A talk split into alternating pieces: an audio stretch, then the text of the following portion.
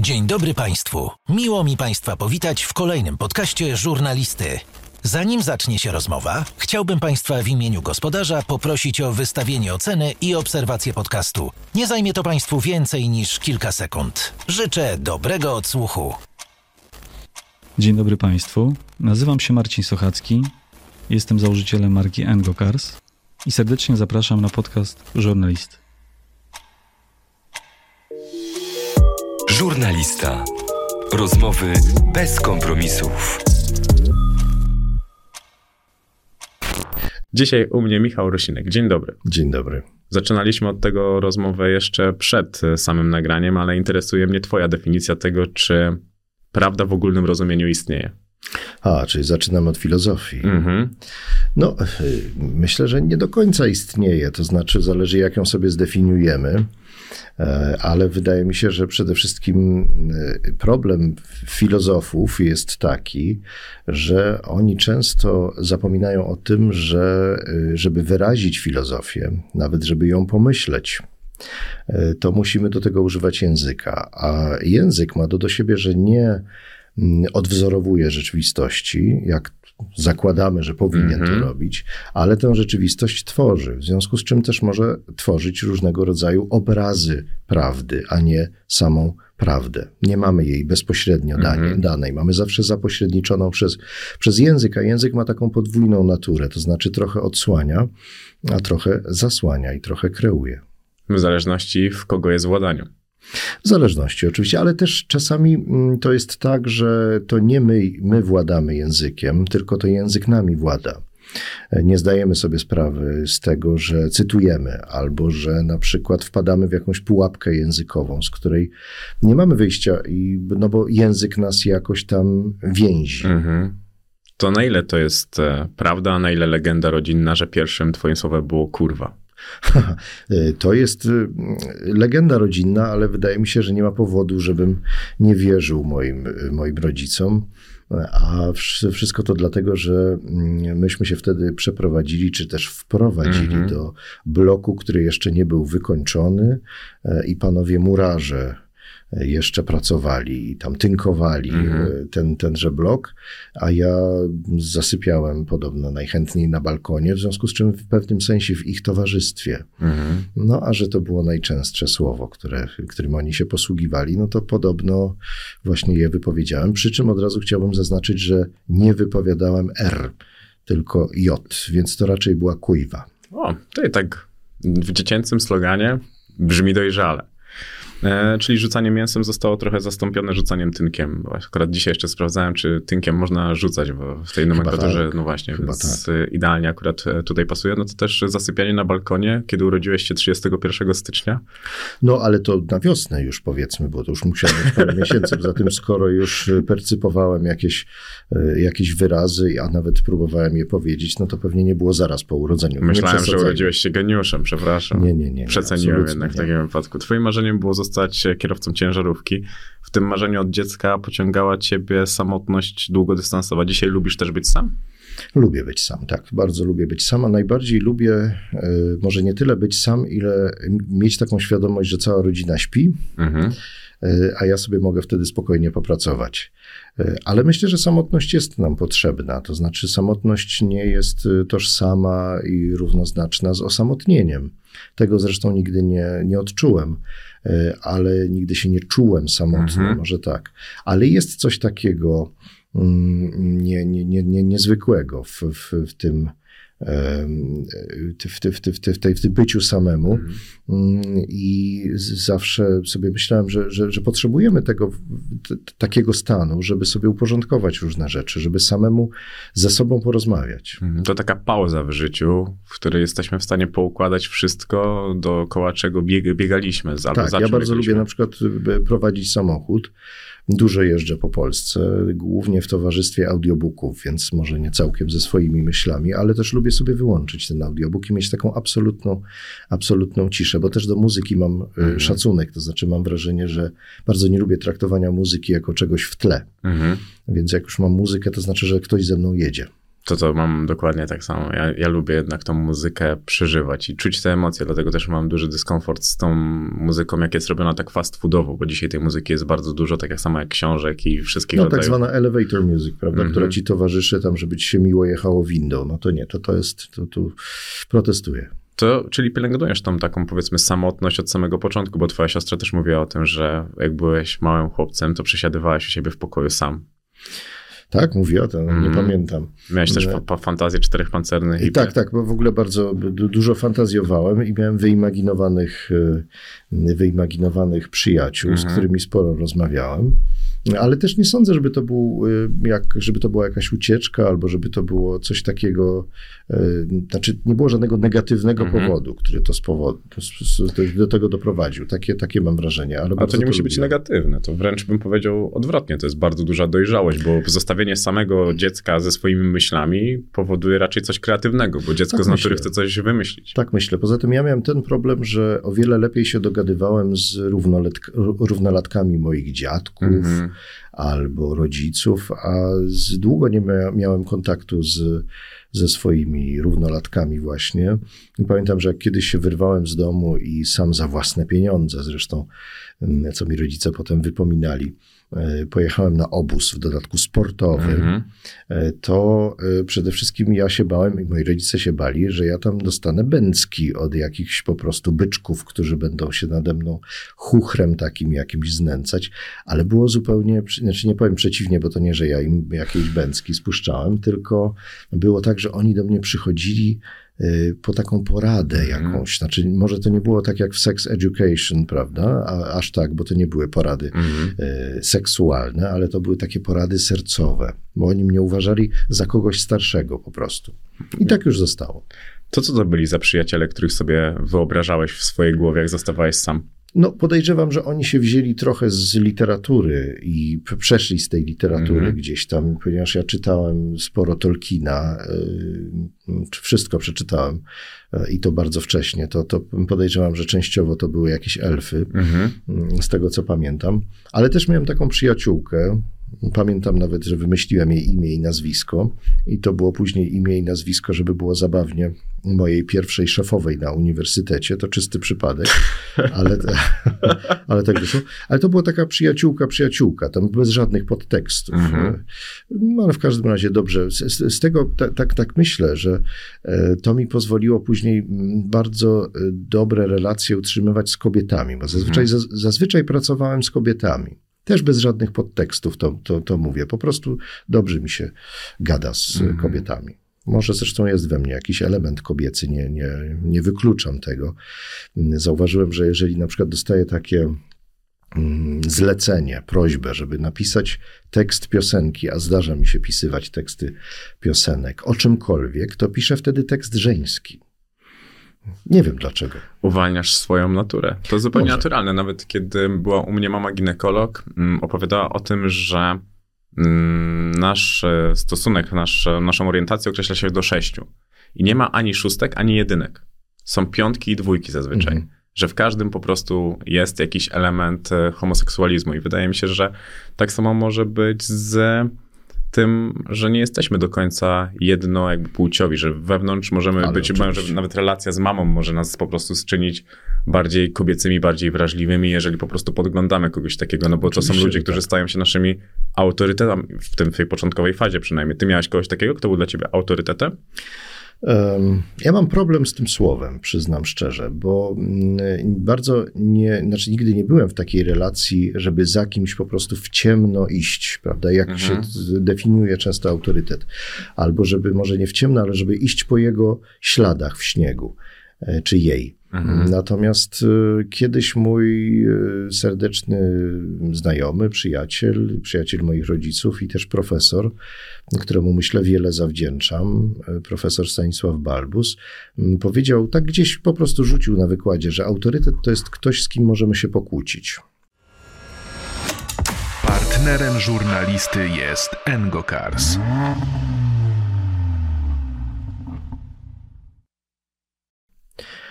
I to mi się podoba. Mhm. Jeżeli taką przyjmiemy e, definicję Mhm. autorytetu, no to tak, to takich miałem, miałem wielu. Też, Ale e, też na przykład, nie, ponieważ nie, nie mam chyba jakiegoś genu rywalizacji, e, więc e, bardzo nie, nie, nie mam czegoś takiego, żebym komuś na przykład czegoś zazdrościł. Mhm. E, Raczej podziwiam bardzo wielu ludzi, którzy, którym się coś udało, którzy, którzy są bardzo no, utalentowani w tej czy innej dziedzinie i to mm, nie, nie mam z tym, nie, nie łączy się, e, to z jakimś takim myśleniem, że ach, e, czemu nie ja? Mhm. Tak jesteś wyjałowiony z genu, z genu rywalizacji, to skąd ten obóz sportowy? E, No chciałem jednak popracować trochę nad swoimi mięśniami, po prostu.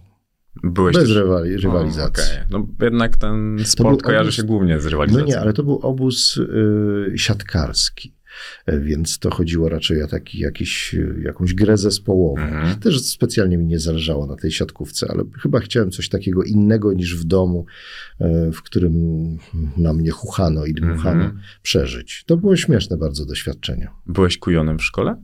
O nie, absolutnie nie. Nie, nie, nie. Byłem raczej średnim e, uczniem.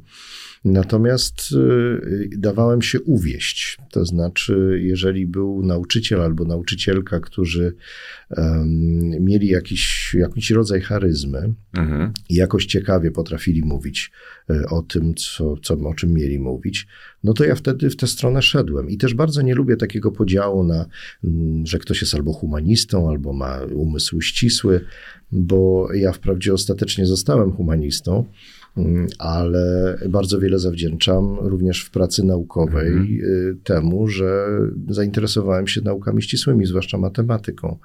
Mm, Do tej pory mnie ona fascynuje. Mm, I, i nie, nie, nie lubię takich, takich podziałów. Notabene a propos y, Mhm. humanista, to y, kiedyś napisałem pracę w liceum, jakąś tam rozprawkę, Mhm. w, którym, w której użyłem takiego sformułowania my, humaniści, coś tam.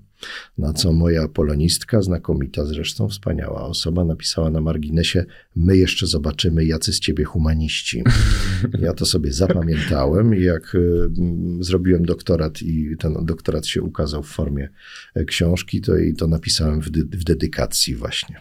A, to piękna puenta tej historii. Też jako rodzina chyba byliście ze sobą blisko, bo mówiłeś o tym, że twój stryj uczył ciebie różnych dziwnych rymowanek i stąd też ten humor związany z dwuznacznościami i to, jak się ciebie słucha, to ciebie, żeby, żeby zrozumieć, jak żartujesz, trzeba słuchać. Ja ostatnio akurat dużo czasu spędziłem z tą książką, gdzie interpretujesz teksty różnych e, autorów i rzucałem tak? piłkę, tak, tak, rzucałem, rzucałem piłkę psu i się uśmiechałem sam do siebie, bo to po prostu było fenomenalne. Więc to też była jakaś tego rodzaju bliskość?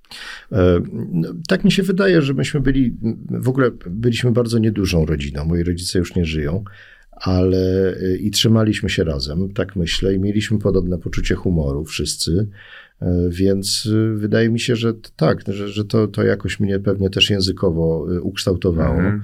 Mm, y, Pamiętam, że nasz taki przyjaciel rodzi, rodziny twierdził, że mój stryj w ogóle jest, musiał być jakimś poprzednim wcieleniu, musiał być Anglikiem, Mhm. że my jesteśmy w ogóle, mamy takie brytyjskie, czy też on miał takie brytyjskie poczucie humoru, nadal, nadal ma. Mm, I myślę, że to rzeczywiście on i mój ojciec y, jakoś mnie zarazili namiętnością do pure nonsensu angielskiego, który w, w PRL-u był bardzo, powiedziałbym, niepopularny. To znaczy zdarzał się jeszcze, można go było znaleźć jeszcze w literaturze dla dzieci, u, u Tuwima przede Mhm. wszystkim, trochę u Brzechwy. Mm, I e, w, pamiętam, że taką książką, która na mnie zrobiła ogromne wrażenie, były wierszyki Dąg, co ma świecący nos, to się nazywało, e, Edwarda Lira. E, I dla mojego pokolenia to była taka książka z zupełnie inną literaturą, taką właśnie czysto Mhm. niesatyryczną, e, gdzie ten, ta, ta śmieszność była tak przesunięta gdzieś w stronę języka. Z, to nie był opis śmiesznej rzeczywistości, tylko po prostu stworzenie jakiegoś takiego bytu językowego. Książka była zresztą świetnie przetłumaczona przez Andrzeja Nowickiego z ilustracjami, mm, a właściwie cała to ona była stworzona jak taki picture book, teraz to się nazywa przez Bogdana Butenkę i ogromnie się ucieszyłem, Mhm. kiedy moje dzieci były małe i powstało wznowienie tej książki dokładnie w takiej samej szacie graficznej, więc mogłem to przekazać, przekazać dalej. To też e, masz bardzo duży talent do zapamiętywania różnych nazwisk, nazw. To jest też coś takiego. Och nie, COVID mi wyżarł, e, myślę, tę, tę, tę, tę umiejętność e, nie, bardzo no, skutecznie. Ja słuchałem sobie różnych twoich rozmów i właśnie też przez to, że sam chyba tłumaczysz książki, bardzo często podkreślasz, kto jest tłumaczem książek.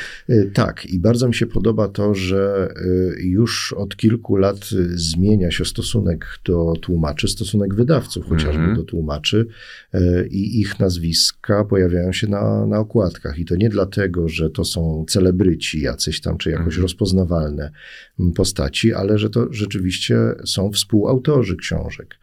Jednak tak naprawdę tłumacz jest y, często w 50% odpowiedzialny za kształt książki. Remigiusz Mróz u mnie mówił, że właśnie w Polsce brakuje bardzo dobrych tłumaczy, żeby polscy pisarze mogli osiągać sukcesy za granicą. Och, nie wiem. To, to myślę, że to odwrotnie, bo żeby polscy pisarze mogli osiągać sukcesy za granicą, to po, po pierwsze muszą nieźle pisać, niektórym się to zdarza, mhm. a po drugie myślę, że to raczej jest kwestia tych tłumaczy, którzy ich tłumaczą na inne języki a niekoniecznie polskich tłumaczy. I takich tłumaczy jest, literatury polskiej jest tak naprawdę sporo. Mhm. E, nie mówię, że to jest proste zadanie, bo sam w tej chwili tłumaczę razem z Claire Kawanek, bardzo wybitną tłumaczką poezji polskiej, wiersze Mirona Białoszewskiego. No i no to, to, że dużo. jestem, tu widać, że jestem siwy, mhm. to właśnie jest ta część tej siwizny, to, to jest właśnie z powodu tego Białoszewskiego. No, a części rzeczy, części wierszy po prostu wiem, że nie przetłumaczymy, bo po prostu nie da się ich oddać e, w, po, po angielsku. Trzeba by było je napisać od nowa. To też duża, duża świadomość i duży szacunek do, dzieła, żeby wiedzieć po prostu, czy czasami czegoś Myślę, nie warto że tak trzeba. To znaczy, jeżeli my tak robimy, że tłumaczymy wszystko, nieomal, mm, a później czytamy jeżeli to jest rzeczywiście gorsze, albo jeżeli to, co jest najistotniejsze u Białaszewskiego, który jednak był takim e, poetą lingwistycznym, -hmm. wiem, że teraz sporo upraszczam, e, i, i to ginie, no to wtedy odpuszczamy. Okej. Okay. Mnie też interesowało, jak sam powiedziałeś o tym zwierzaniu się przez innych ludzi. Czytałem o tym, jak opowiadałeś, że przyjaźniłeś się ze znajomymi swojej babci, że, jeździ, że byłeś tam w Zakopanem wtedy tak. E, u niej. To nie myślałeś nigdy o tym, żeby zostać terapeutą? Twoje życie jednak mogło się budować na różnych warstwach. Ja chyba jestem za bardzo egoistą, żeby być terapeutą. Podziwiam, zresztą przyjaźnię się z y, psychiatrami, psychologami i podziwiam to, co oni robią i to, że oni, że ich tak fascynują mhm. inni, e, inni ludzie. Poza tym wydaje mi się, że ja mam jedną cechę, mm, która teraz mi się przypomniała, jak mm, rozmawialiśmy o tej literaturze mhm. dziecięcej i pure nonsensie. Mianowicie ja jestem ironistą. Znaczy ja potrzebuję żyć, funkcjonować e, ironicznie, mhm. a terapeuta nie może być ironistą. I myślę, że to w ogóle jest jakiś taki trochę dramat mój rodzinny i porażka pedagogiczna, że ja też zaraziłem skłonnością do ironizowania mhm. E, moje dzieci, w związku z czym bardzo trudno nam jest poważnie porozmawiać, bo ironia jednak tworzy taki rodzaj dystansu. Jest atrakcyjna e, mhm. konwersacyjnie, natomiast, natomiast utrudnia, utrudnia kontakt. Co mi przypomina anegdotę, E, Wisława Szymborska kiedyś opowiadała, że miała takich przyjaciół, oboje pisarze, mhm. literaci e, i mieli jeszcze, a było to zaraz po wojnie, mieli jeszcze służącą. I ta pani służąca w pewnym momencie powiedziała, że odchodzi. Więc oni mówią, pani Ruziu, ale dlaczego? Co za mało pani płacimy? Nie. No to nie, źle panią traktujemy? Nie. No to co się stało? Ona mówi, ja nie mogę dłużej wytrzymać w tak ironicznym domu. Ironia to też jest tego, tego rodzaju pułapka. Teraz powstał film dokumentalny na Netflixie takiego aktora, który grał w Wielkim Gatsbym i opowiada o swoim terapeucie. Mm, I to on go pyta wyjątkowo, bo on chce poznać jego historię, dlaczego został terapeutą. I przechodzą do relacji chyba z mamą, z tego co wydaje mi się. I on zaczyna żartować. Mówi, nie żartuj, proszę, odpowiedz mi. Jest taka cisza i ten główny, główny aktor tego podpowiada, ile razy już chciałeś zażartować? Tak naprawdę. On mówi trzy, bo nie chciałem ci odpowiedzieć. Mhm. Że za żartem jednak potrafimy schować emocje, o których Ale nie chcemy mówić. oczywiście, Oczywiście. I to jest coś, co. Ja, ja się kiedyś zastanawiałem nad fenomenem mm, humoru, poczucia humoru Szymborskiej. Miała nieprawdopodobne poczucie humoru. Mhm. Ja znam bardzo wielu bardzo zabawnych ludzi, natomiast y, to i tak jest trzecia albo czwarta liga w porównaniu z Szymborską. Ja była szalenie błyskotliwa i właściwie potrafiła y, spuentować i opowiedzieć anegdotę w, w każdym momencie rozmowy. Ale jak się nad tym dłużej zastanawiałem, to pomyślałem, że to była dla niej taka no, forma obrony. Nie pamiętam, jak się nazywa, nie kałamarnica, ale to taka ośmiornica, która wypuszcza, e, wypuszcza e, e, atrament Mhm. e, po to, żeby się za nim schować. I myślę, że może nieelegancko jest po- poetkę porównywać do ośmiornicy, ale, ale jej, czyli Szymborskiej, poczucie humoru i jej mm, anegdotofilia, powiedzmy, Mhm. y, brała się stąd, że ona się zasłaniała tymi jak tarczami, tymi anegdo- Mhm. anegdotami, bo to często było tak, że ktoś jej zadawał jakieś ważne, poważne pytanie, na które ona nie miała ochoty odpowiedzieć, ale też wiedziała, że nie może nie odpowiedzieć, bo to jest nieelegancko, więc opowiadała, odpowiadała anegdotą. Mhm. Anegdota ma puentę, a puenta jest absolutnie zamykająca, prawda? Po puencie Mhm. nikt nie powie, no dobra, dobra, a teraz powiedz tak naprawdę. No Nie ma takiej możliwości. Ta, ta, takiej możliwości, że taka możliwość istnieje, ale zazwyczaj i tak ludzie brną w ten świat, idą razem z tą anegdotą i Oczywiście, po prostu tak. kiedy zamykają się drzwi, otwierają się nowe, To a ma, nie... to ma oczywiście e, pewnego rodzaju efekty uboczne, bo e, taki wizerunek medialny Szymborskiej to był, był taki wizerunek właściwie takiej rozchichotanej starszej pani, Mhm. e, która tutaj papierosek, tutaj koniaczek, a tutaj anegdotka. No ale trzeba mieć świadomość, że to były anegdoty właśnie obronne. Zdecydowanie. Anegdoty zazwyczaj takich sytuacjach są stosowane Mhm. jako tarcze. Znaczy, bo anegdoty jeszcze pe- pełnią taką funkcję, jeśli ktoś tego potrzebuje, oczywiście, taką mm, prospołeczną, prawda? To znaczy, chcemy jakoś zaistnieć w jakimś towarzystwie, mm, no i lubimy się pokazać od takiej strony, uwodzimy anegdotami, ale to absolutnie w, w jej przypadku nie, y, nie, nie, nie, nie zachodziło. Mhm. Wyszliśmy od, do tego motywu, do tego, do tego fragmentu rozmowy o tym, o tym, jeżeli chodzi o tą terapię i o to, że przyjaźniłeś się ze starszymi ludźmi. Jak jest dzisiaj? To się zmieniło w twojej głowie? Dzisiaj wolisz młodszych ludzi? Ym, czy ja wiem? Dzisiaj chyba trochę inaczej patrzę na wiek. Mhm. bo y, ja y, przez to, że głównie y, przebywałem w towarzystwie starszych ludzi, no to funkcjonowałem jako taki najmłodszy. Maskotka taka jakaś trochę, y, tak myślę. A, ym, I ciągle nie, nie czuję wieku. Nie mam takiego wrażenia, że ja się jakoś bardzo postarzałem. Może powinienem wreszcie mieć taką świadomość, ale zawsze się uważałem za trochę takiego, jakby trochę starszego, prawda? No skoro bywałem w, w takim towarzystwie, no, więc y, zawsze miałem zaburzone postrzeganie swojego wieku i bardzo mi z tym dobrze, muszę powiedzieć. Natomiast no, różnie oczywiście do mnie, y, pod, różny stosunek do mnie mają, mają ludzie w innym niż ja wieku. Teraz oczywiście większość świata to są ludzie młodsi ode mnie, więc niektórzy się trochę obawiają, niektórzy mówią, że ja jestem zdystansowany albo że mówię jakimś innym językiem. Natomiast lubię słuchać młodych ludzi i mm, coś takiego się wydarzyło, że chyba nie tylko ja miałem takie doświadczenie, mówię o, o tym, tych ludziach z naszego, z naszego pokolenia i zajmujących się jakoś tam językiem, że myśmy nie doceniali tych naprawdę najmłodszych, tych, tych, tych takich dwudziestolatków, osiemnastolatków. Uważaliśmy, że oni tak nic nie czytają, e, nie oglądają telewizji. No to z czego oni mają, mogą w ogóle czerpać wiedzę o, o świecie? E, I takim momentem zwrotnym były protesty po y, Strajk wyroku. kobiet.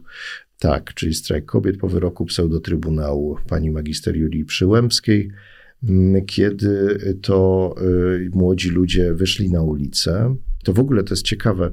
Historycy o tym y, pisali, że to były najliczniejsze protesty w historii Polski. W ogóle. Mhm. E, Młodzi ludzie, bardzo młodzi ludzie wyszli na ulicę i wyszli na ulicę też ci ludzie, którzy jeszcze nigdy nie brali udziału w protestach, a podejrzewam też mieli do protestów taki stosunek, e, powiedziałbym, a że to jest dla starych ludzi, że to w ogóle co, co to jest, to jest jak nie wiem. Jak... Ja pamiętam, że jak szedłem z, razem z własnymi studentami w Krakowie w takim marszu Solidarności, e, przechodziliśmy obok Wawelu i ja wtedy trochę za głośno powiedziałem, że ja tutaj w 80 latach to by zostałem spałowany, jak gdzieś tam byłem na jakiejś mszy czy coś. I widziałem, że parę osób na mnie spojrzało jak na takiego, no może nie mamuta, ale powiedzmy uczestnika powstania styczniowego. Tak się, tak się trochę poczułem. Ale to było ciekawe, nie chcę mówić o sobie. To było ciekawe, y, że okazało się, że oni mają swój język, mają coś ciekawego do powiedzenia, y, że tak naprawdę bardzo wiele wiedzą o świecie, wcale to, są, to jest inny rodzaj wiedzy, ale to też jest wiedza. I też pewnie inne rzeczy są dla nich, dla nich ważne. I, I, myślę, że w ogóle daleki jestem od takiego krytykowania języka młodych albo niedoceniania go. Nie, ja go absolutnie jestem, jestem, jestem fanem. Po prostu zaczął pędzić ten pociąg dość szybko. Dość tak, szybko no też dlatego się bardzo zmienia ten język. Bardzo mnie śmieszą zresztą plebiscyty na młodzieżowe słowo, słowo roku. Ostatnio profesor Jerzy Bralczyk powiedział, że jeżeli on zna jakieś młodzieżowe słowo roku, to znaczy, że ono już jest nieaktualne. I to, no to tak działa. Tak jak jest. moje dzieci czytają, te, ja im pokazuję te, te słowa zgłaszane do plebiscytu, to one mówią, no co to tak się kiedyś mówiło, ale to już dawno. No teraz jest na przykład moda na esse i to jest takie słowo, które w środowisku hip-hopowym mówiło się o, nie wiem, 2005 rok. No więc właśnie, więc To, to są też po prostu Tam takie też- słowa, które zataczają koło w jakiś sposób. Są środowiskowe i Albo się wy- wynoszą do no mainstreamu. właśnie, właśnie, przebijają jakąś, jakiś, jakąś bańkę. Yy, No ale też na przykład bardzo mnie zdziwiło, że wśród tych słów w tym roku pojawia się też onuca. To nie jest słowo młodzieżowe, to jest słowo owszem popularne ym, e, i też dokładnie nie wiadomo skąd się wzięło, kto po raz pierwszy go użył w takim znaczeniu, ruska onuca, Ym, ale nie wiem dlaczego ono miałoby być młodzieżowe. Natomiast bardzo mnie zafascynowało słowo XD, które chyba do tej pory jeszcze funkcjonuje, chociaż zostało młodzieżowym słowem roku chyba 3 czy 4 lata temu. E, Bo to jest ciekawy przypadek, kiedy tak naprawdę zapis emotikonu przechodzi do języka mówionego. E, A to też takie no właśnie zwrot chyba można powiedzieć, który był w jakichś takich latach gadu-gadu i różnych innych takich początkowych komunikatorów naszej klasy, jednak to już wtedy było, ale chyba ten plebiscyt nie istniał, nie istnieje chyba tak Nie, długo, nie, albo nie, tak długo. Gadu, gadu to jest jak powstanie styczniowe. Do, dokładnie, no to jak już jesteśmy przy tym powstaniu i nawiązać trochę do tego, to za co byłeś społowany? A, to po prostu za to, że, że, przysz, że poszedłem na, na jakąś taką mszę z okazji chyba e, t- 3 maja, czy coś takiego. I zdaje się, że miałem jakiś e, znaczek, nie wiem, opornik, a może znaczek Solidarności, czy coś takiego. E, Więc to, to tak chyba, tak po prostu wszystkich, którzy tam wychodzili, to, to, to prewencyjnie, na wszelki wypadek. żeby ja zapamiętał. Nie, nie chcę się absolutnie jako jakikolwiek męczennik e, sytuować, bo nigdy nie byłem w takiej, w takiej sytuacji. Jestem ogromnie, e, ogromnie wdzięczny tym, którzy byli prawdziwymi męczennikami, męczennikami. Nawet mam e, taką przyjaźnię się z e, Joanną Szczęsną, która wiele lat spędziła w więzieniu w czasie, w czasach PRL-u. No i też walczyła o tę wolność i walczyła o tę tę demokrację. E, I do tej pory mi się, znaczy długo mi się zdarzało, jak na przykład zamawiałem gdzieś pizzę jeszcze w latach 90., to dzwonić do Joasi i dziękować jej, że to dzięki, dzięki niej e, tę pizzę e, mogę zamówić. Swoją drogą przypomniała mi się ostatnio, mm, jak oglądałem po raz pierwszy, i to musiały być jakieś głębokie lata 80. Mój stryj pracował dla telewizji niemieckiej i amerykańskiej, więc dosyć ten szybko. stryj- Ten stryj. E, Dosyć szybko mieliśmy magnetowid, mieliśmy kasety jeszcze betę, nie, nie, dopiero potem VHS i w każdym razie obejrzałem film E.T. e, Spielberga. E, I pamiętam, co na mnie zrobiło największe wrażenie. Mianowicie nie to, że tam jest jakiś kosmita, który zostaje, przylatuje i w ogóle leczy tym palcem i tak dalej. Dlatego, że w radzieckich bajkach też się kosmici po- pojawiali, to nie było nic nowego. Natomiast tam była jedna scena, która była dla mnie absolutnym science fiction. Mianowicie dzieci są same w domu, są głodne, podnoszą słuchawkę telefonu, wykręcają numer i po chwili ktoś im przynosi w bardzo ładnym pudełku pizzę. W ogóle to jest niemożliwe. Jak? Jak? W ogóle to takie rzeczy się nie zdarzają. To jest science fiction. Ja to po- podaję teraz studentom jako taki przykład em, różnic kulturowych, które, których na przykład nie da się zniwelować, jeżeli jesteśmy tłumaczami. I często coś, co wydaje się w przekładzie w innej kulturze, bo myślę o funkcjonowaniu w kulturze, całkowicie egzotyczne, niezrozumiałe, bajkowe i tak dalej, jest w tej oryginalnej kulturze czymś absolutnie naturalnym. Chociażby y, Hogwarts z, mm, z Harry Pottera. Mhm. E, Dla nas i dla, dla dzieci w Polsce mm, istnieje tak, istnienie takiej szkoły, do której się jedzie i w której się mieszka, szkoły z internatem, jest czymś egzotycznym. Natomiast w Anglii to jest coś ca- całkowicie normalnego. Pierwowzory te, tego Hogwartu można znaleźć w Anglii w różnych miejscach. Boarding schools tak zwane. Zobacz, wyobraźnia tak naprawdę pokazuje, że ona nie jest tylko wyobraźnią, a czasami nawet przyszłością. Że dużo rzeczy jesteśmy w stanie sobie wyobrazić, a one później, za ileś tam lat, są w stanie się ziścić. To tak samo jak dzisiaj spojrzymy na telefon. Wydaje mi się, że ciężko było sobie kiedyś wyobrazić to, że w ręce będziemy mieli równocześnie telefon, aparat, kamerę, mapę. Mm, Naprawdę. Cały jeżeli- świat, tak. prawda, całą bibliotekę, wszystko co chcemy. I to, że skróciliśmy dystans do człowieka na drugim krańcu świata, że jesteśmy w stanie bez problemu do niego zahaczyć. No ja się już, te, ja się jeszcze się temu dziwię, bo należę do tego pokolenia, które obserwowało te zmiany od czasów, kiedy jeszcze w ogóle nie, bo w ogóle myśmy nie mieli bardzo długo telefonu w domu, ale y, jako takiego stacjonarnego. Y, Natomiast myślę, że to najmłodsze pokolenie już jest przyzwyczajone, prawda? Ono się urodziło w, w zupełnie innej rzeczywistości. Mm, Gdzieś czytałem, że robiono takie badania, Mm, O, to może ty mi podpowiesz. Powiedzmy, że stoisz przed drzwiami e, jakiegoś domu Mhm. i masz nacisnąć klawisz domofonu. Którym palcem naciskasz? Mm, Tym. Mhm. No, to staruch jesteś. tak? Dlatego, że młodzi naciskają tym. Naprawdę? no bo to jest palec A do, no do, tak. do guziczków. No właśnie, ja jestem do stary, tego- jestem stary. To, Bardzo już- mi przykro, ale jesteś no, stary. to zrobiliśmy test na to, czy jesteś już e, stary, czy jeszcze nie jesteś stary, no to już wyszło, że jesteś stary. Zahaczyłeś o politykę i o strajk kobiet. Uważasz, że hasło wypierdalać jest dobrym do dialogu?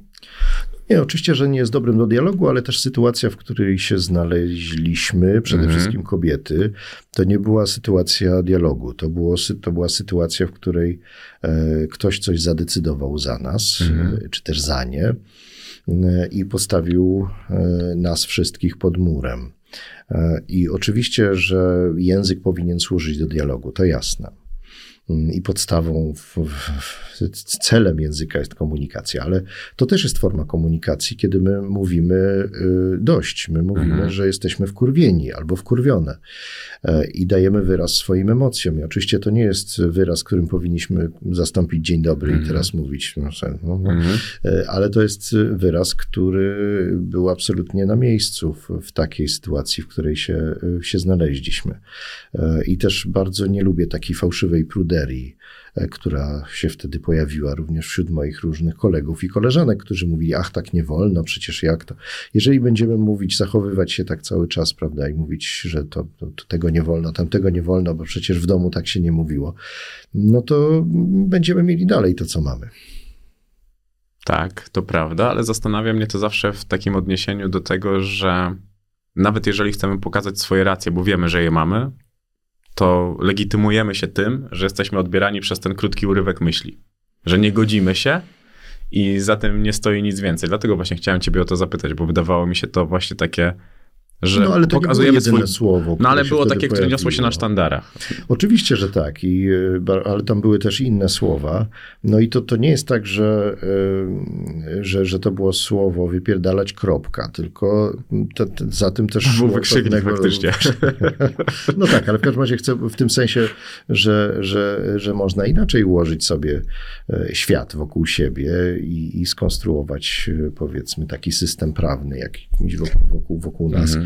E, żeby jednak było bardziej bardziej europejsko i bardziej światowo i bardziej nowocześnie i bardziej, żeby no, no, no, No bo ja nadal ja uważam, że to była słuszna idea i tak dalej, tylko po prostu są słowa, które zamykają pewnego rodzaju możliwości i te słowo bardzo dużo możliwości też zamknęło. Tak, ale też umówmy się, że było jakimś takim słowem, w jakimś sensie też otwierającym, to znaczy pokazującym, że, e, że my nie jesteśmy takimi barankami, czy Mhm. raczej może owieczkami w tym przypadku genderowo i nie godzimy się na wszystko, co, co się za naszymi Mhm. plecami, czy nad naszymi głowami dzieje, tylko mówimy, że, y, że nie nie chcemy tego i że, że mamy dość i że proponujemy Mhm. coś innego w, w związku z tym. No Broniłbym tego. Ja, no, to, to też był magnes, dlaczego tak dużo młodych ludzi przyszło, bo to już było ich wyraz też. No tak, bo w ogóle takie granice między tym, co dopuszczalne, niedopuszczalne, wulgarne, niewulgarne, y, są oczywiście w tym młodszym pokoleniu przesunięte w, w stosunku do tego, co na przykład w naszych Mhm. pokoleniach y, funkcjonowało. Y, To, to jest jasne. To, to, to, To też mi się z- zupełnie naturalne. A ty nie myślałeś, żeby pójść e, w politykę? Każdy ma głupie pomysły, a jednak byłeś przewodniczącym klasy bądź szkoły jakoś. Tak, byłem przewodniczącym klasy, ale to uważam, że to jest szczyt moich ambicji politycznych. Już dalej, dalej nie zajdą? Nie, nie, nie. Nie. Poza tym nie można być ironistą i politykiem zarazem. No, to się nie uda. Jeżeli można być głupkiem i politykiem, to wydaje mi się, że każda. To akurat można, niestety, natomiast y, ironista sobie chyba nie tyle nie poradzi, ile on pewnie się nie zmieści w tym garniturze, prawda, którego się od niego wymaga. Pewnie, że to jest z mojej strony teraz łatwizna, bo pamiętam y, dylematy tych y, ludzi, którzy byli ironistami w latach 80. i patrzyli z wysokości swojej wieży z kości słoniowej Mhm. na to, co się dzieje i szyderczo komentowali rzeczywistość.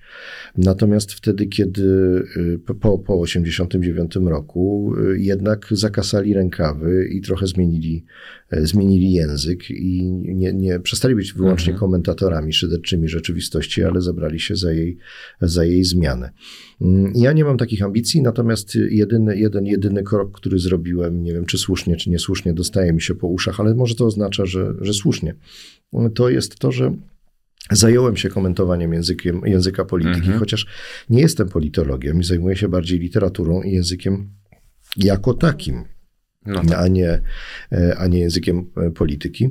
I bardzo długo się broniłem przed tym, żeby komentować e, na przykład retorykę, którą się zajmuję naukowo, retorykę polityków. Pamiętam, że nawet kiedyś byłem oburzony, jak opublikowałem pierwszą książkę dotyczącą retoryki, zadzwoniono do mnie z jakiegoś programu, programu informacyjnego i poproszono, żebym skomentował słowa polityka. Powiedziałem, że nie chcę, bo to nie jest.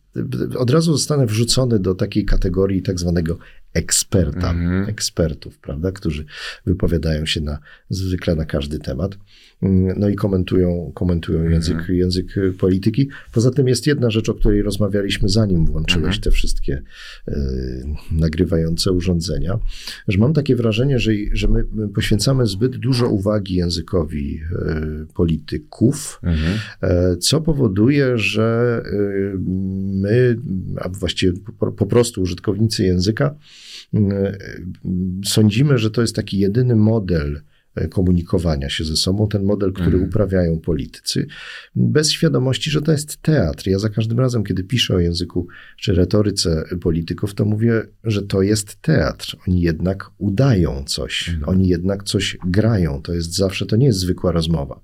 Więc jeżeli my byśmy mm, przenieśli ten model komunikacji, takiej jaką uprawiają politycy, do rozmowy przy stole, no to, mm, to by było bardzo e, krzywdzące dla rodzin polskich. Mhm. Tylko ktoś ostatnio mnie o tym opowiadał, a zapomniałem już, kto to był, że tak trochę jest, że kiedy siadasz do stołu wigilijnego i zaczynasz rozmawiać o polityce i o religii, to przenosimy ten model z kawy na ławę na stół wigilijny.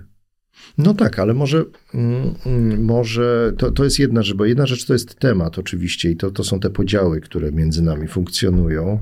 No ale ja mam takie wrażenie, że zamiast się przyglądać y, politykom i wchodzić trochę w ich buty, e, prawda, no bo to tak jest w tych rozmowach, że tam ktoś mówi trochę jak taki polityk, a tam to ciocia mówi jak taki i tak dalej. To może raczej spróbujmy się tak troszkę cofnąć i zobaczyć, jak oni mówią, co to zmienia w naszym języku, jak oni na przykład manipulują przy słowach e, i jak to może być niebezpieczne. I jak na przykład doszło do tego, że są takie pojedyncze słowa, które w w zależności od tego, jakiej jesteśmy opcji politycznej, coś zupełnie innego znaczą. Mhm. To jest y, dosyć Tak, niezwykłe. że my Oni nas mówić- i ta zmiana tego całego w ogóle wyrazu z sportowego na wojenny. To, tak, to ale też na przykład są takie wyrazy jak życie, być za życiem. Co to Mm. znaczy? Wszyscy są za życiem, prawda? Tak myślę. E, Przynajmniej większość. Natomiast być za życiem dla, e, dla prawicy oznacza być za życiem dzieci nienarodzonych narodzonych wyłącznie, prawda? Albo na przykład takie słowo jak lewicowiec albo lewak, prawda, które jest obelgą w gruncie rzeczy, nie nazwą jakąś konkretną, jakiegoś zestawu poglądów czyichś, tylko, tylko stało się. I takie y, śmieszą mnie to zresztą, bo ta, ta lewicowa strona próbuje tak trochę y, mi się zachowywać jak takie dzieci, które mówią, co się przezywasz, sam się przezywasz, y, to zaczynają mówić prawak. No ale to nie, to nie ma, to słowo prawak nie ma takiej siły negatywnej. No ale też śmichy, chichy uważam, że najgorsze coś, co się może stać i co się dzieje w tym dyskursie politycznym, to jest jego dehumanizacja. No tak. I to jest to, że zaczynamy traktować e, naszych przeciwników politycznych, kogoś, kto ma inne poglądy, jako nie ludzi. A dlatego mnie to niepokoi, że to jest pierwszy krok do przemocy, tak naprawdę. No bo jeżeli kogoś nazwiemy, że nie jest cz- człowiekiem, tylko jest jakimś tam insektem, insekty się tępi. Zawsze to powtarzam, ale jeszcze raz to, u ciebie powtórzę, że przecież od tego się zaczęło ludobójstwo w Rwandzie, że Radio Tysiąca Wzgórz chyba się nazywało, które było w rękach jednej grupy etnicznej, zaczęło mówić o tej drugiej grupie etnicznej, że to są tam karaluchy i węże, czyli że to nie są ludzie. Więc w gruncie rzeczy dało m, prawo innym do tego, no bo co, bo węże i karaluchy się tępi. Mhm. No, zobacz, ale rozmawiamy o To jest czysto negatywnych. językowe. Tak, rozmawiamy o negatywnych aspektach, a są takie miejsca, w które lubisz zobaczyć, posłuchać, żeby podziwiać? No to jest literatura. Tylko do i tego, wyłącznie? Do tego służy literatura. Mm, e, To znaczy, jeśli pytasz w ogóle o, o, o dyskurs taki publiczny Mhm. jako taki. Bo szukam czegoś, czego ludzie powinni słuchać jako pewnego rodzaju wzoru. To nie odpowiem na to pytanie z powodów pedagogicznych, bo słuchają nas miliony, jak mówiła Beata Szydło, Polek i Polaków. Mhm. E, Więc e, pamiętam, jak prowadziłem zajęcia z retoryki i często studenci i studentki mnie pytali, mm, prosili, żebym podał jakiś wzór jakiegoś mówcy, na którym oni mogliby się wzorować. Nie, to nie jest dobry pomysł. Dlatego, że my nie powinniśmy mówić jak ktoś, jak Cyceron, jak y, Tusk, jak, y, nie wiem, Kaczyński, jak, y, nie wiem, kto jeszcze jest takim mówcą, wszystko jedno. E, Tylko my powinniśmy mówić jako my.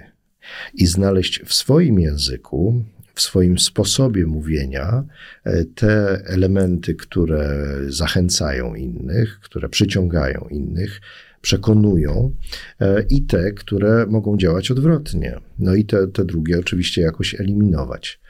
Mm, Ale odpowiem na pytanie, ale bez nazwisk. Oczywiście są tacy politycy, których się dobrze słucha i którym się, ja nie lubię słowa wierzyć, bo polityk też udaje, też każdy polityk robi jakiś, ale w każdym razie mm, to, to, to udawanie jest y, atrakcyjne. O, może tak. Oczywiście dla każdego coś, coś innego może być atrakcyjne, a dla mnie coś tam jest, ale też nie, nie chcę mówić nazwisk. A jeżeli chodzi już nie o polityków, bo ja raczej od tych polityków bym uciekał. Uważam, Bardzo że tutaj, słusznie. tutaj to nie jest, żaden przykład nie może być jakimś e, wybitnie dobrym, ale jeżeli chodzi o strefę publiczną, dziennikarzy, artystów, są ludzie, bo na pewno słuchasz, oglądasz jakieś rzeczy, gdzie ktoś się wypowiada i myślisz sobie, mówi świetnie. No tak, oczywiście, jak najbardziej. I to właśnie są te grupy zawodowe, które, które wymieniłeś. E, Coś takiego się stało z dziennikarstwem, też o tym przed chwilą rozmawialiśmy, że e, nie ma teraz, czy niewielu jest dziennikarzy, y, są głównie ci media workerzy, E, ale, no, ale jest jeszcze jakaś taka dobra szkoła dziennikarstwa i również wśród młodych dziennikarzy można zauważyć takie, e, takich, którzy mówią bardzo dobrze, ale też mm, mają, nie wiem, z jednej strony szacunek dla swojego rozmówcy, a z drugiej strony są jednak bardzo wnikliwi również słuchają tego, co on czy ona mówi i potrafią na przykład znaleźć jemu czy jej jakieś wewnętrzne sprzecz- sprzeczności. To jest oczywiście bardzo, bardzo przyjemne. Lubię też czytać y, publicystów, lubię czytać niektórych komentatorów mm, rzeczywistości.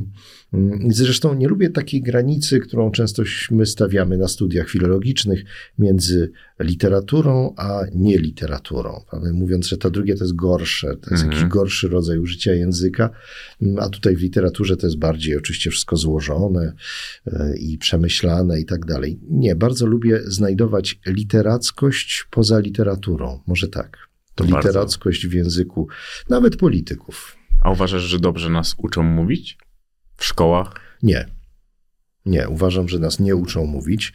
E, I mm, myślę, że to, to jest dla mnie zdumiewające, że wciąż, mimo że już minęło od tego 90 roku tak du, du, dużo czasu, że wciąż jeszcze nikt nie wpadł na to, żeby jednak uczyć e, posługiwania się publicznie językiem, posługiwania się językiem w różnych sytuacjach, no takich powiedzmy, gdzie musimy kogoś do czegoś przekonać. Krótko mhm. mówiąc, nie, nie uczy się retoryki. Mnie się zawsze wydawało, że jak na przykład oglądam amerykański serial, w którym nawet niekoniecznie typu House of Cards, mhm. ale jakiś serial, w którym pojawia się jakaś postać, zabiera głos publicznie, nie wiem, no wznosi toast chociażby mhm. na przyjęciu, to to jest fenomenalnie zrobione. Po prostu te, mhm. każde zdanie, każde słowo nawet w tym toaście jest przemyślane i jakiś efekt y, wy, wywiera. No i pomyślałem sobie, że to pewnie jest fikcja filmowa, ale nie. To tak jest. Rzeczywiście Amerykanie są od y, dziecka, od przedszkola uczeni zabierania publicznie głosu.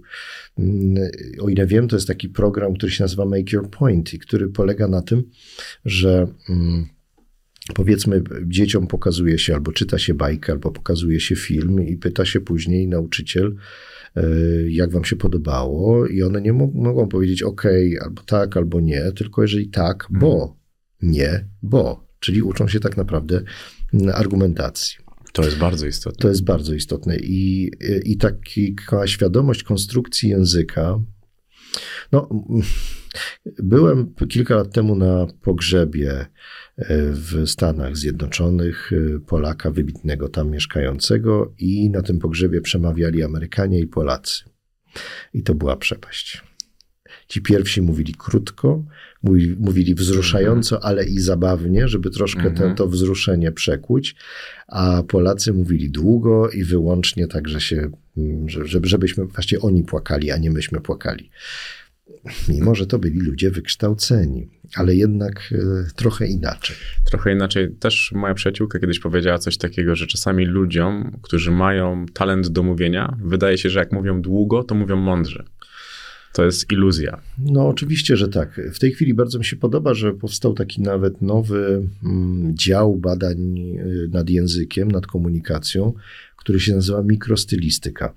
E, I on się zajmuje skutecznością e, takich e, bardzo krótkich wypowiedzi, jak na przykład tytuły, jak lidy, mhm. jak wpisy, jak ćwierknięcia na Twitterze, które też są przecież ograniczone liczbą znaków. Jak to jest, po pierwsze, że niektórym się udaje, innym się nie udaje. E, mhm. zawrzeć swoją myśl w bardzo niewielkim jednak, e, w niewielkiej liczbie znaków, e, a jak to jest, że niektórzy sobie z tym zupełnie nie, nie radzą i wtedy to, jest taka, taka, nitka jest mhm. tak zwany thread i tego już, to już mało kto czyta. Ale i, no bo rzeczywiście tak jest, że w tej chwili takim najbardziej cennym surowcem w, w dzisiejszym świecie jest uwaga. Mhm. Prawda? Bardzo zabiegamy o uwagę. I teraz wiadomo, że e, ta, na ten czas, kiedy my jesteśmy skupieni, my ludzie, mhm. E, się bardzo skraca. E, to widać chociażby, ja na przykład tłumaczę oficjalne kontynuacje różnych klasycznych bajek dla dzieci angielskich. I te oficjalne kontynuacje różnią się tym, wszyscy bohaterowie, tam są przygody, są podobne, ale rozdziały są krótsze bo dzieci nie mają już tak, mm, takiej żeby uwagi, prostu... żeby długo wytrzymać, więc musi się dużo dziać. Mhm. Dzieci są, jak to mówią e, mm, psychologowie, przebodźcowane. E, no to jest jedna rzecz, a druga rzecz, rzeczywiście rządzi nami jakiś taki umowny Twitter, to znaczy rządzą ci, którzy się umieją posługiwać e, takimi frazami, które później gdzieś tam żyją własnym, mhm. własnym życiem. A to mi się wydaje też, Czego że... Polacy nie, nie potrafią wciąż. To mi się wydaje też, że czym jesteśmy bardziej uzdolnieni w języku, tym nam może być trudniej skonstruować tak krótką myśl. O nie, nie, bo to zależy jak przyjmiemy to, tę naszą, to, to naszą zdolność. zdolność mhm. Bo y, myślę, że ludzie, którzy mają taką świadomość języka, mają też świadomość słowa, po pojedynczych słów y, i ich siły oddziaływania i umieją konstruować właśnie takie krótkie, często złośliwe i szydercze No tak, tak, tutaj, tutaj tak. I to się, bardzo, to się bardzo zmieniło. Ja kiedyś lata temu zrobiłem taki eksperyment, e, po którym moi koledzy i koleżanki mnie znienawidzili. Mianowicie wziąłem udział w jakiejś dyskusji panelowej e, na tematy literackie, nieważne. No i wszyscy sobie przygotowywali tam takie długie, profesorskie, co najmniej 20-minutowe wypowiedzi, a ja powiedziałem jedno zdanie.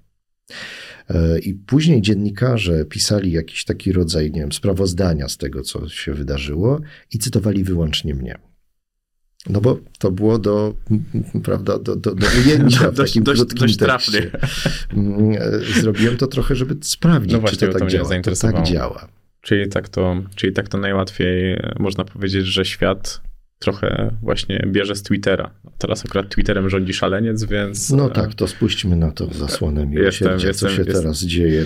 Jestem ciekawy, jak to będzie wyglądało. Mówiłeś trochę o tym, o tym kulturze w Stanach, o tym, że uczy się tam przemówień. To jak język polski zmienia się do tego, który panuje w Stanach? Jak język polski zmienia się do innych języków? No, ja nie porównuję innych języków, nie wiem, jak wyglądają zmiany w innych językach. Właściwie tylko przez chwilę, e, kiedy razem z panią profesor Katarzyną Kłosińską pisaliśmy taką książkę, właściwie Słownik Dobrej Zmiany, em, to wtedy y, czytałem sporo o tym, co się dzieje, dzieje w Ameryce Trumpa i rzeczywiście bardzo wiele podobieństw można było zauważyć w takim dyskursie prawicowym, powiedzmy, w, w, który wówczas panował również mocno aberracyjnym pod względem logicznym, e, ale nie, no my- myślę, że bardzo dużo takich, mm, no bo tak, bo ta e, właściwie konieczność wypowiadania się w krótkich formach, może to dopowiedzmy, jest też bardzo ryzykowna. Dlatego, że no, nie łudźmy się, że wszystko jesteśmy, będziemy w stanie w krótkiej formie e, wyjaśnić czyjeś wątpliwości na przykład. Mm, I mm, kiedyś, nie tak dawno, brałem udział w takim, takiej dys- dyskusji o tym, jak przekonać do szczepionek antyszczepionkowców i dlaczego w ogóle skąd ten nurt taki irracjonalny, antynaukowy. Nie, i Jeden z uczestników dyskusji powiedział, że to jest bardzo proste bo y, antyszczepionkowcy y, posługują się takim językiem właśnie bardzo z krótkich, bardzo kategorycznych sądów. Nie, i koniec, tak, i koniec. Na każde pytanie właściwie mają bardzo, bardzo krótką odpowiedź i szukają też takiej odpowiedzi z drugiej strony. Natomiast prawdziwy naukowiec zawsze odpowie, to zależy. E, prawda? Bo i zacznie wymieniać te czynniki, od których coś tam zależy. No i któż go będzie słuchał? Przecież nie zmieści się w tych, nie wiem, 160 znakach mm, ze swoją wypowiedzią, więc to jest rzeczywiście bardzo, bardzo trudne. I też po, z jednej strony cenimy sobie skrótowość, a z drugiej strony miejmy, miejmy świadomość, że ona jest, mo, może być zabójcza dla, dla naszego myślenia. Mi się wydaje, że problemem jest to, moja pani psycholog ze szkoły po zawsze mówiła, agresja budzi agresję. I to jest ta zasada mm, co do tego, co do rozmowy, że kiedy byli antyszczepionkowcy i ludzie, którzy byli pro szczepienia, nie, można, nie mogła się wywiązać normalna dyskusja ze względu na to, że zazwyczaj niestety emo, emocje dyktowały tempo rozmowy. I kiedy jeden zaczynał krzyczeć, drugi nie był spokojny, tylko też krzyczał na drugiego. I nawet jeżeli próbowali w ten sposób rozmawiać, koniec końców obijali sobie po prostu mm, ścianę głową. No tu i tu znów wracamy do, y, do retoryki, do uczenia retoryki, bo myślę, że gdybyśmy się uczyli retoryki w szkole już, czy nawet przedszkolu, Mhm. to uczylibyśmy się także dialogu i sztuki dialogu. Retoryka nie jest sztuką monologu, retoryka jest sztuką dialogu, bo żeby, owszem, nawet wypowiedzieć się w jakiś, w, w, za pomocą jakiegoś monologu, no to musimy zostać do tego sprowokowani czyimś pytaniem, albo właśnie czyimś, nie wiem, no chcemy się sprzeciwić Mhm. e, e, wobec tam czegoś, kogoś. E, I myślę, że też powinniśmy w sobie taką umiejętność prowadzenia, prowadzenia rozmowy w, jakoś wzbudzić, nauczyć się tego, krótko mówiąc, Ja uważam, mówić to tylko ja panu, nie, ja panu nie przerywałem. No właśnie, bo to jest trochę, to jest cały czas w powijakach, to cały czas jest trochę taka sztuka niemowlacka, niemowlacka. My nie potrafimy tego robić, moim zdaniem gdzieś tam. Ale też nie chcemy, bo to jest bardzo wygodne emocjonalnie. Nie wiem, jak ty się zachowujesz na, na Facebooku, ale właściwie są dwa typy ludzi na Facebooku. Są tacy, którzy specjalnie prowokują, bo lubią się spierać Mhm. z kimś, a są tacy, którzy na przykład jeśli ktoś im coś zarzuci albo ma inne zdanie wobec tego, co oni napisali, to natychmiast jest blokowany i wyrzucany z bańki. I właściwie mamy potrzebę taką, takiej jakiejś strefy komfortu i takiego wzajemnego miziania się, prawda, że wszyscy się zgadzamy. My dopuszczamy do tego swojego pokoiku wirtualnego tylko tych, którzy mają takie zdania, jak my mówimy, ach, to wspaniale, zgadzamy się tylko tych przyjaciół, tak kto sobie, których sobie wymyślimy no, a własnego. Nie uczymy się wtedy rozmowy. Nie uczymy się wtedy rozmowy z kimś, kto mm -hmm. ma mhm. inne zdanie. Nie uczymy się z jednej strony przekonywać, a z drugiej strony jeszcze większej sztuki, jeszcze trudniejszej, mianowicie y, mm, tego, żeby samemu dać się przekonać. To jest bardzo trudne. No jesteśmy przedłużeniem mediów, które są mediami tożsamościowymi. Ja zawsze zadaję pytanie, bo jeżeli nie wierzysz w TVP, to masz taki sam argument, żeby nie wierzyć w TVN i szukać drogi, która jest jakąś drogą pomiędzy jednym, a pomiędzy drugim mostem. I niestety to, to nam stworzyło w to no, głowie, to jest że... pewnego rodzaju złudzenie.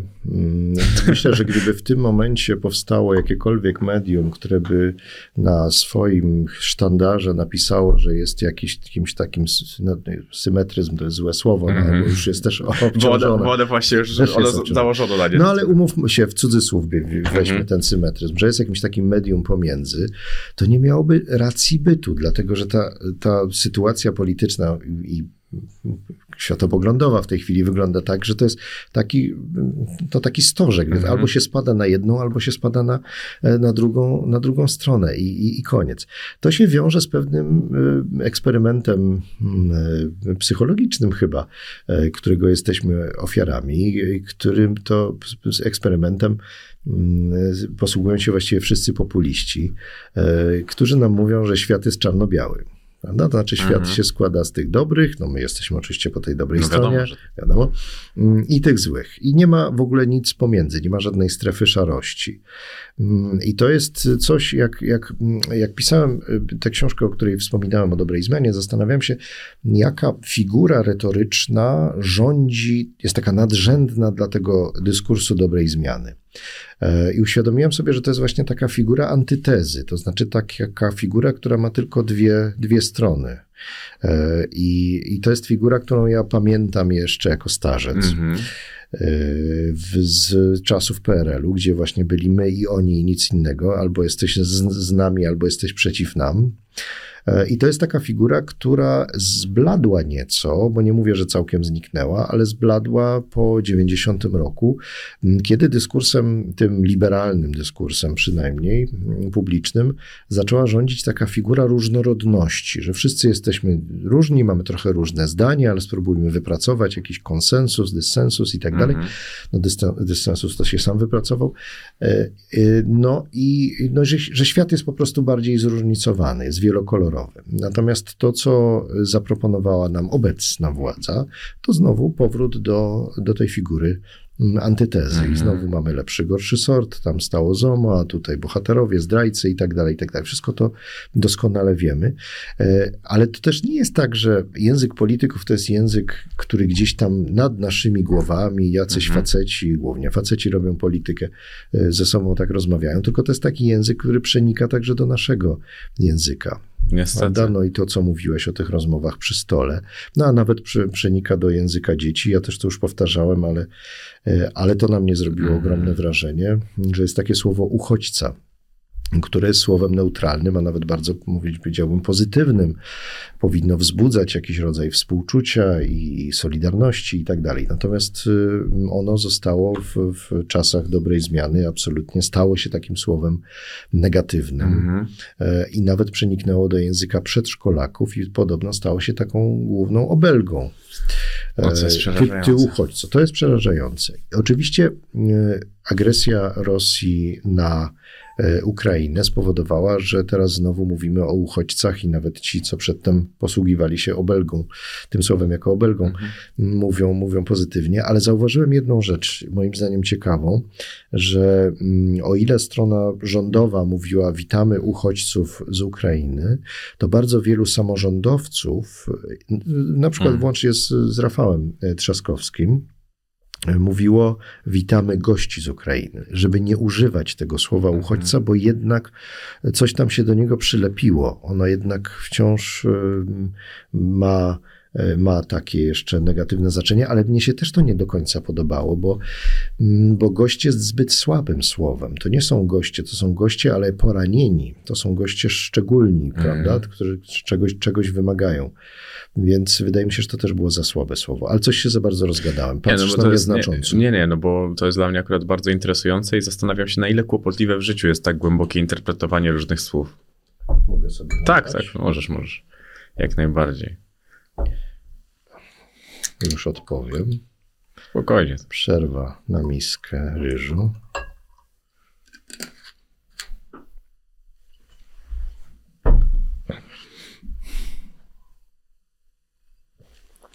To znaczy, mm, mówisz w tym sensie, że jeżeli stonoga zacznie liczyć swoje nogi, to nigdzie nie dojdzie, więc jeżeli Właśnie. będziemy się za bardzo przyglądać swojemu językowi, to się ze sobą nie dogadamy. Przestaniemy. Nie, to chyba nie, nie jest tak, bo to też ja wszystkim mm, mm, studentom powtarzam, że moją ulubioną postacią e, literacką jest hrabina Metafereine z przygód pętrka wyrzutka Stefana Temersona, która mówiła taką frazę: Nie wiem, jak to się nazywa, ale wiem, jak to się je. I mam wrażenie, że my niekoniecznie musimy znać nazwy wszystkich, no dajmy na to, figur i tropów retorycznych, żeby e, się nimi posługiwać, a nawet mam wrażenie, że to rzeczywiście może trochę przeszkadzać, bo wtedy zamiast słuchać naszego odbiorcy, myślimy sobie, o, jaka ciekawa metonimia, albo o, synekdocha. Nie, to nie. Natomiast trzeba wiedzieć, jak to się je. Trzeba wiedzieć, jak to funkcjonuje. E, I wtedy taka wiedza, myślę, że nam wystarczy do tego, mm, żeby się nie dać zmanipulować. To już duża wiedza. Żeby rozbrajać na przykład różnego rodzaju bomby, które nam podstawia nasz y, rozmówca. Albo podstawiają politycy, albo podstawiają, nie wiem, firmy, korporacje, Mhm. bo to niekoniecznie musi mieć taki wymiar czysto polityczny. Mi się wydaje, że często rozmówcy sami sobie podkładają bomby, bo czasami w tym aspekcie wystarczy zostawić im czas i po, po, dać posłuchać. I to ludzie zazwyczaj sami siebie wysadzają. No, ale też ym, potrzebny jest do tego ktoś, kto to zauważy. I myślę, że to jest zadanie dziennikarzy i to jest też zadanie badaczy dyskursów, językoznawców, badaczy języka, żeby właśnie dostrzegać takie, e, takie rzeczy, jakieś wewnętrzne sprzeczności, Mhm. właśnie tak jak mówisz, te bomby. E, I bo jeżeli tego nie będziemy robić, to i tak jak potulne baranki i owieczki tylko kiwać głowami, no to gdzieś tam nam się te e, struktury słowne gdzieś przenikną do naszego, Mhm. do naszego języka, bo to jest straszne, że to zaraża to, jak mówią politycy na przykład, bez względu na to, czy Mhm. sobie podkładają bomby, czy nie, to też przenika do naszego języka. W takim języku jak twoim więcej słyszysz z tego, co ty nie chcesz powiedzieć, kryjąc się za wieloma różnymi porównaniami, wyrazami i tak dalej, i tak dalej. Ja patrzę na to w taki sposób, że słuchanie ciebie ma zupełnie inny wydźwięk, bo ja chcę słyszeć to, czego nie mówisz. I za, za słowami pięknie można się schować. Tak jak mówiłeś o pani Szymborskiej, że chowała się za ironią, ty możesz bardzo umiejętnie schować się za słowami. Ale też e, zaczęliśmy od tego, że prawda, sło- słowa prawdę odkrywają i zakrywają, jasne. No właśnie. Mm, Ale nie, nie wiem, bo ja nie, niekoniecznie czuję, żebym miał bardzo wiele do ukrycia. No ale to, to też czasami po prostu nie chcąc kontynuować jakiegoś wątku, możesz iść dalej i robić to w taki fascynujący sposób, że ktoś wie, że słucha. A ta pamięć po prostu jest krótkoterminowa. Jeżeli rozmawiamy tu i teraz i jest krótka chwila na to, żeby odpowiedzieć i mówisz pełnymi zdaniami i mówisz w cały czas w tym samym tempie, gdzie nie dajesz przestrzeni na to, żeby ktoś ewentualnie miał czas, żeby powiedzieć, tylko musiałby po prostu przerwać tobie daną wypowiedź, to jest bardzo umiejętna sztuka rozmawiania, której też jest deficytowa, jakby nie patrzeć. I nawet jak mówiłeś o tym, że, em, że jest pewnego rodzaju trójkąt, że na środku nikogo tak naprawdę nie ma, albo jesteś z lewej, albo jesteś z prawej strony, to problem polega w taki sposób, że jeżeli chcesz być nawet na tym czubku tego trójkąta, to pamiętaj, że biją cię z jednej i z drugiej strony. No tak, absolutnie. Ja to do, do, do, nawet y, doświadczam tego, bo jeżeli napiszę felieton, który jest krytyczny wobec strony, nazwijmy to liberalnej Mhm. czy lewej, to zaraz dostaję jakieś, dlaczego ja w ogóle osłabiam. tak Dziecko dalej. nie No to- czyje. Dziecko Absolutnie. nie... Natomiast też, żeby być wiarygodnym, no to nie można wyłącznie słuchać i wyłącznie szydzić, może za duże słowo, ale e, krytycznie traktować jakiejś jednej, jednej osoby Mhm. czy jednej strony. To by było nie, nie, nie w porządku. Mm, Ale z drugiej strony no, no jest tak, że jeśli patrzymy y, całkiem na zimno, na chłodno, e, tak z zewnątrz na to, co, y, co się dzieje w języku, to, y, no to, to, to widzimy, która strona ten język y, psuje i która strona promuje coś, co ostatecznie dla nas y, może, a nawet okaże się po prostu szkodliwe. Mówię dla nas, jako Mhm. do, dla, dla społeczeństwa. Ja na to patrzę z dużą fascynacją. Zastanawiam mnie też, zastanawiają mnie też feminatywy, bo ja uważam, że to, że to nie jest unormowane w jakiś sposób, zakładając na przykład, że to jest jedyna prawdziwa i prawidłowa forma tego, jak mamy się zwracać do ludzi. Że to jest słownikowo, że nie ma gościa, tylko jest gościni. Nie powodujemy żadnej anarchii. Dając dowolność, przychodzi kobieta i mówisz, że gościni, a ona mówi, nie, nie, ja wolę być gościem. I to jest moim zdaniem taki problem. To jest źle, uważasz? Uważam, że tak. Uważam, że powinniśmy dobrać jakąś formę, bo, on, bo to powoduje. Jesteś nazistą No językowym. na pewno. Nie, no bo chodzi o to, że ja uważam, że nigdy nie nauczymy, jeżeli nie położymy na to nacisku, że tak jest. Bo trudem, trud, Nie dla, mnie, dla mnie problemem jest to, że przed każdą rozmową miałbym pytać, słuchaj, jak wolisz być przedstawiony? To wydaje mi się, że to zawsze powinno być bardziej intuicyjne, że idę i teraz do pani lekarz, bo nie mogę się jej zapytać przed, no bo idę do niej, Dlaczego? te, no ale idę do niej właśnie, Aha, rozumiesz, że sensie. Problemem po prostu jest nazewnictwo, bo ja chciałbym się zwracać do ludzi tak, jak oni pragną, tylko musiałbym trochę więcej mieć jakąś większą wiedzę o nich. Dlatego się ciebie to, o to zapytałem. Mhm. Ja uważam, że my jesteśmy przyzwyczajeni do tego, że ktoś za nas zadecydował, są jakieś reguły, Mhm. czy to są reguły zachowań, czy to są reguły zachowań językowych, no i albo się do nich stosujesz, albo nie stosujesz, czyli mamy takie, nazwijmy to, gramatyczne podejście. Y, Natomiast y, ja uważam, że powinna być większa dowolność i powinna Mhm. być, bo, bo ona też daje większą możliwość wyrażenia siebie.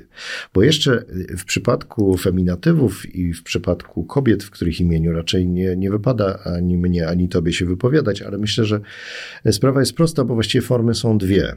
Prawda? Albo ta mm, pani doktor, pani Mhm. Tak, tak, ja już upraszczam tą sytuację. No ale właściwie są te dwie możliwe, Mhm. możliwości, gość albo gościni na przykład.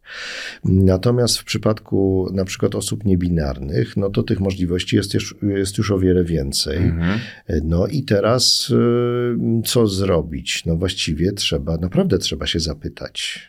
I naprawdę trzeba zaczynać zajęcia, właśnie zapomniałem w tym roku to zrobić, ale zaczynać zajęcia ze studentami od, od pytania o zaimki.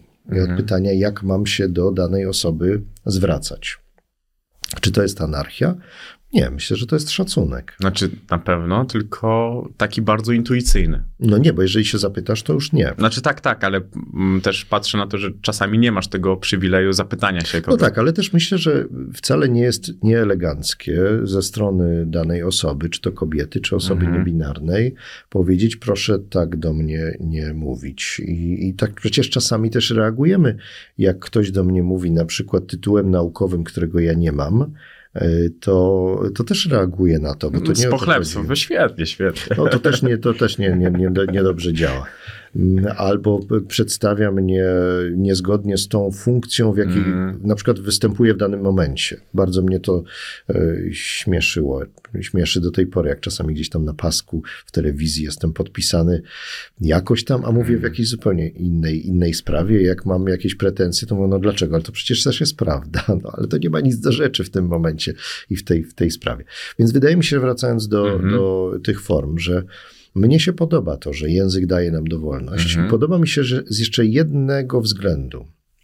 Mianowicie, ja myślę, że największym zagrożeniem dla nas jest nie to, że my przestajemy, przestaniemy mówić, tylko że to, że przestaniemy zauważać język. Że on w ogóle istnieje, że jest między nami, że jest Mhm. jakąś, ma jakąś tkankę, jakąś strukturę, jakąś, z czegoś jest zrobiony.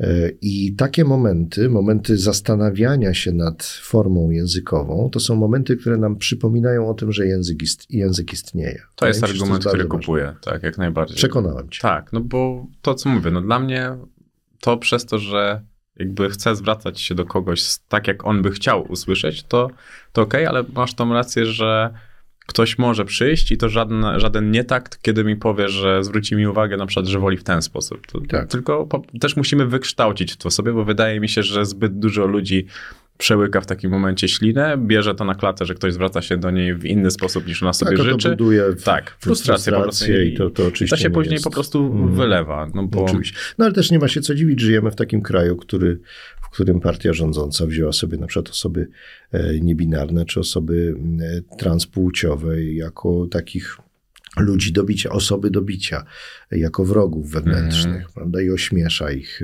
prezes tej partii nieustannie. I to jest, no nie ma się co dziwić, że ta frustracja ma jakieś podłoże. No jasne, że tak. Tylko w takiej aspekcie, kiedy chcesz faktycznie dobrze, y, nie można, nie można po prostu mierzyć każdego tą samą miarą, bo czasami miara może Żeby być za było, krótka. żeby nie było tak jak z towarzyszem Breżniewem, chciałem dobrze, a wyszło jak zwykle. No, to, to prawda. Bardzo mi się spodobała twoja myśl, już zmieniając kompletnie temat, że ludzie, którzy nie przestają czytać książek, wciąż są podszytymi dziećmi.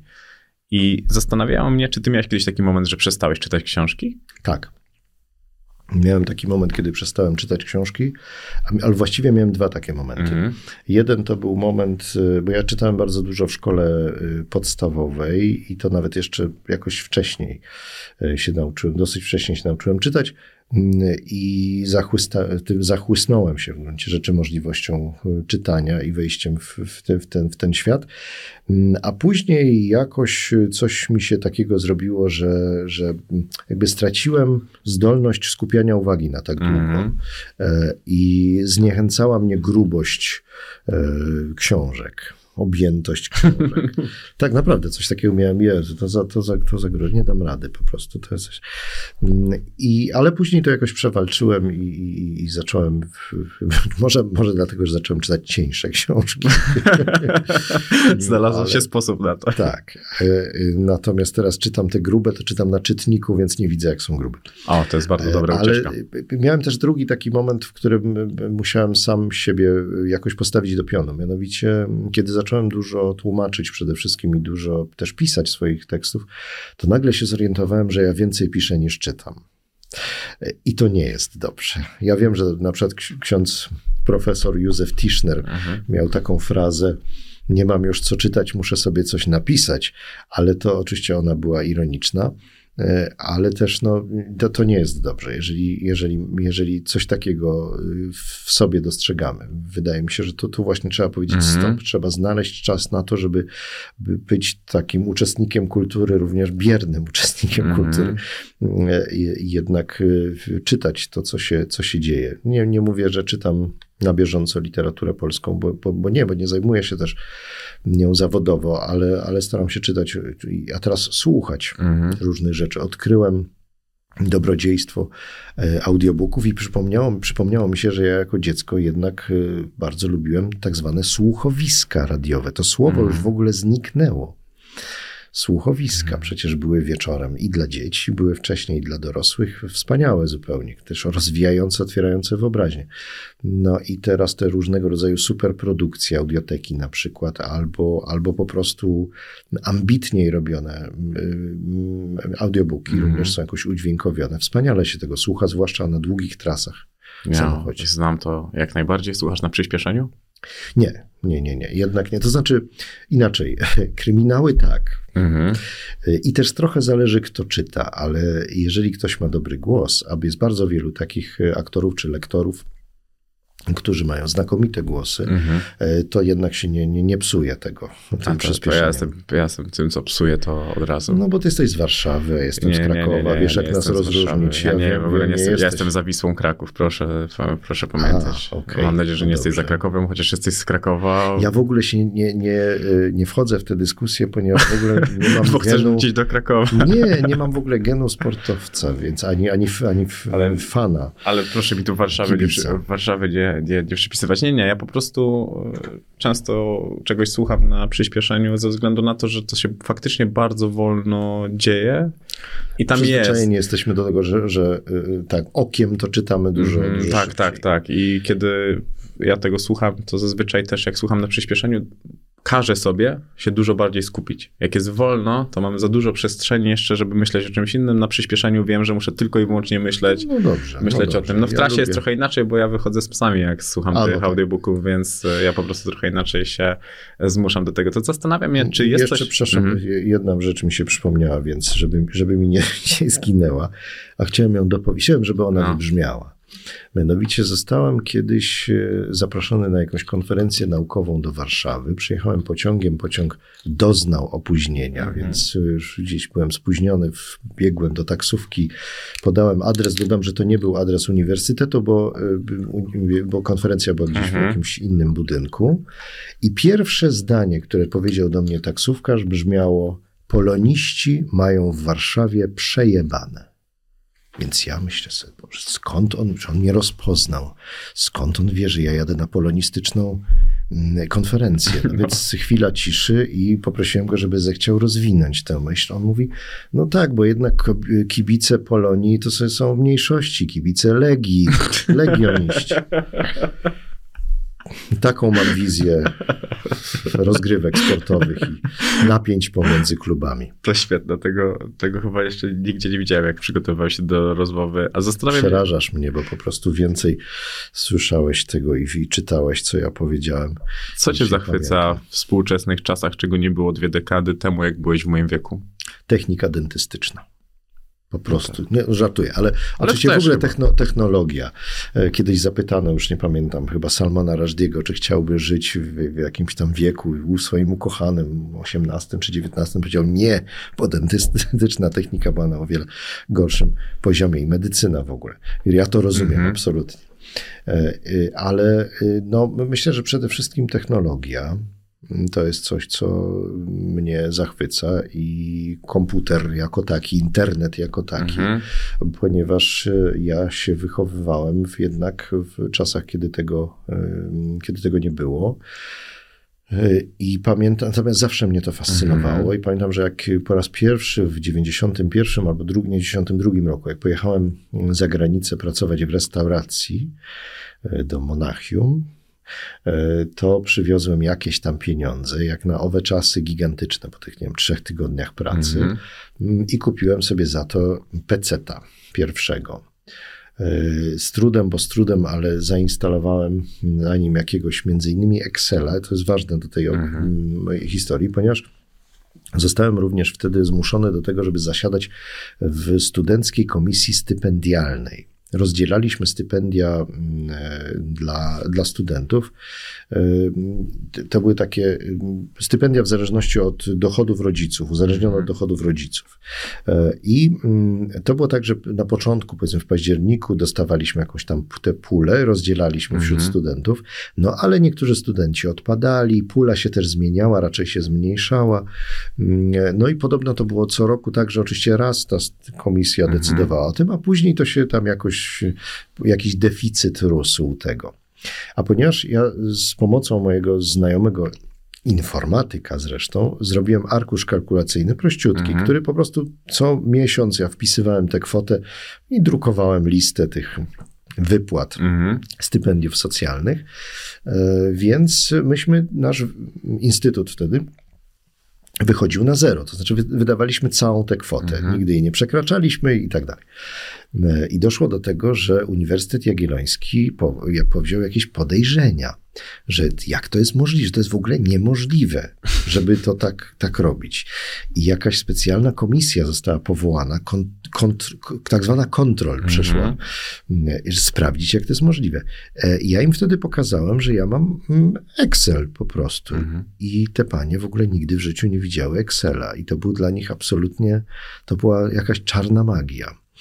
E, No, oczywiście po paru Mhm. latach to już było, było absolutnie na, naturalne, ale mogłem podpaść przez to, że byłem po prostu zbyt, zbyt dokładny i zbyt nowoczesny. Ale też pamiętam taką scenę, którą w gruncie rzeczy teraz, wtedy się z tego śmiałem, ale, ale pamiętam jako coś absolutnie wzruszającego.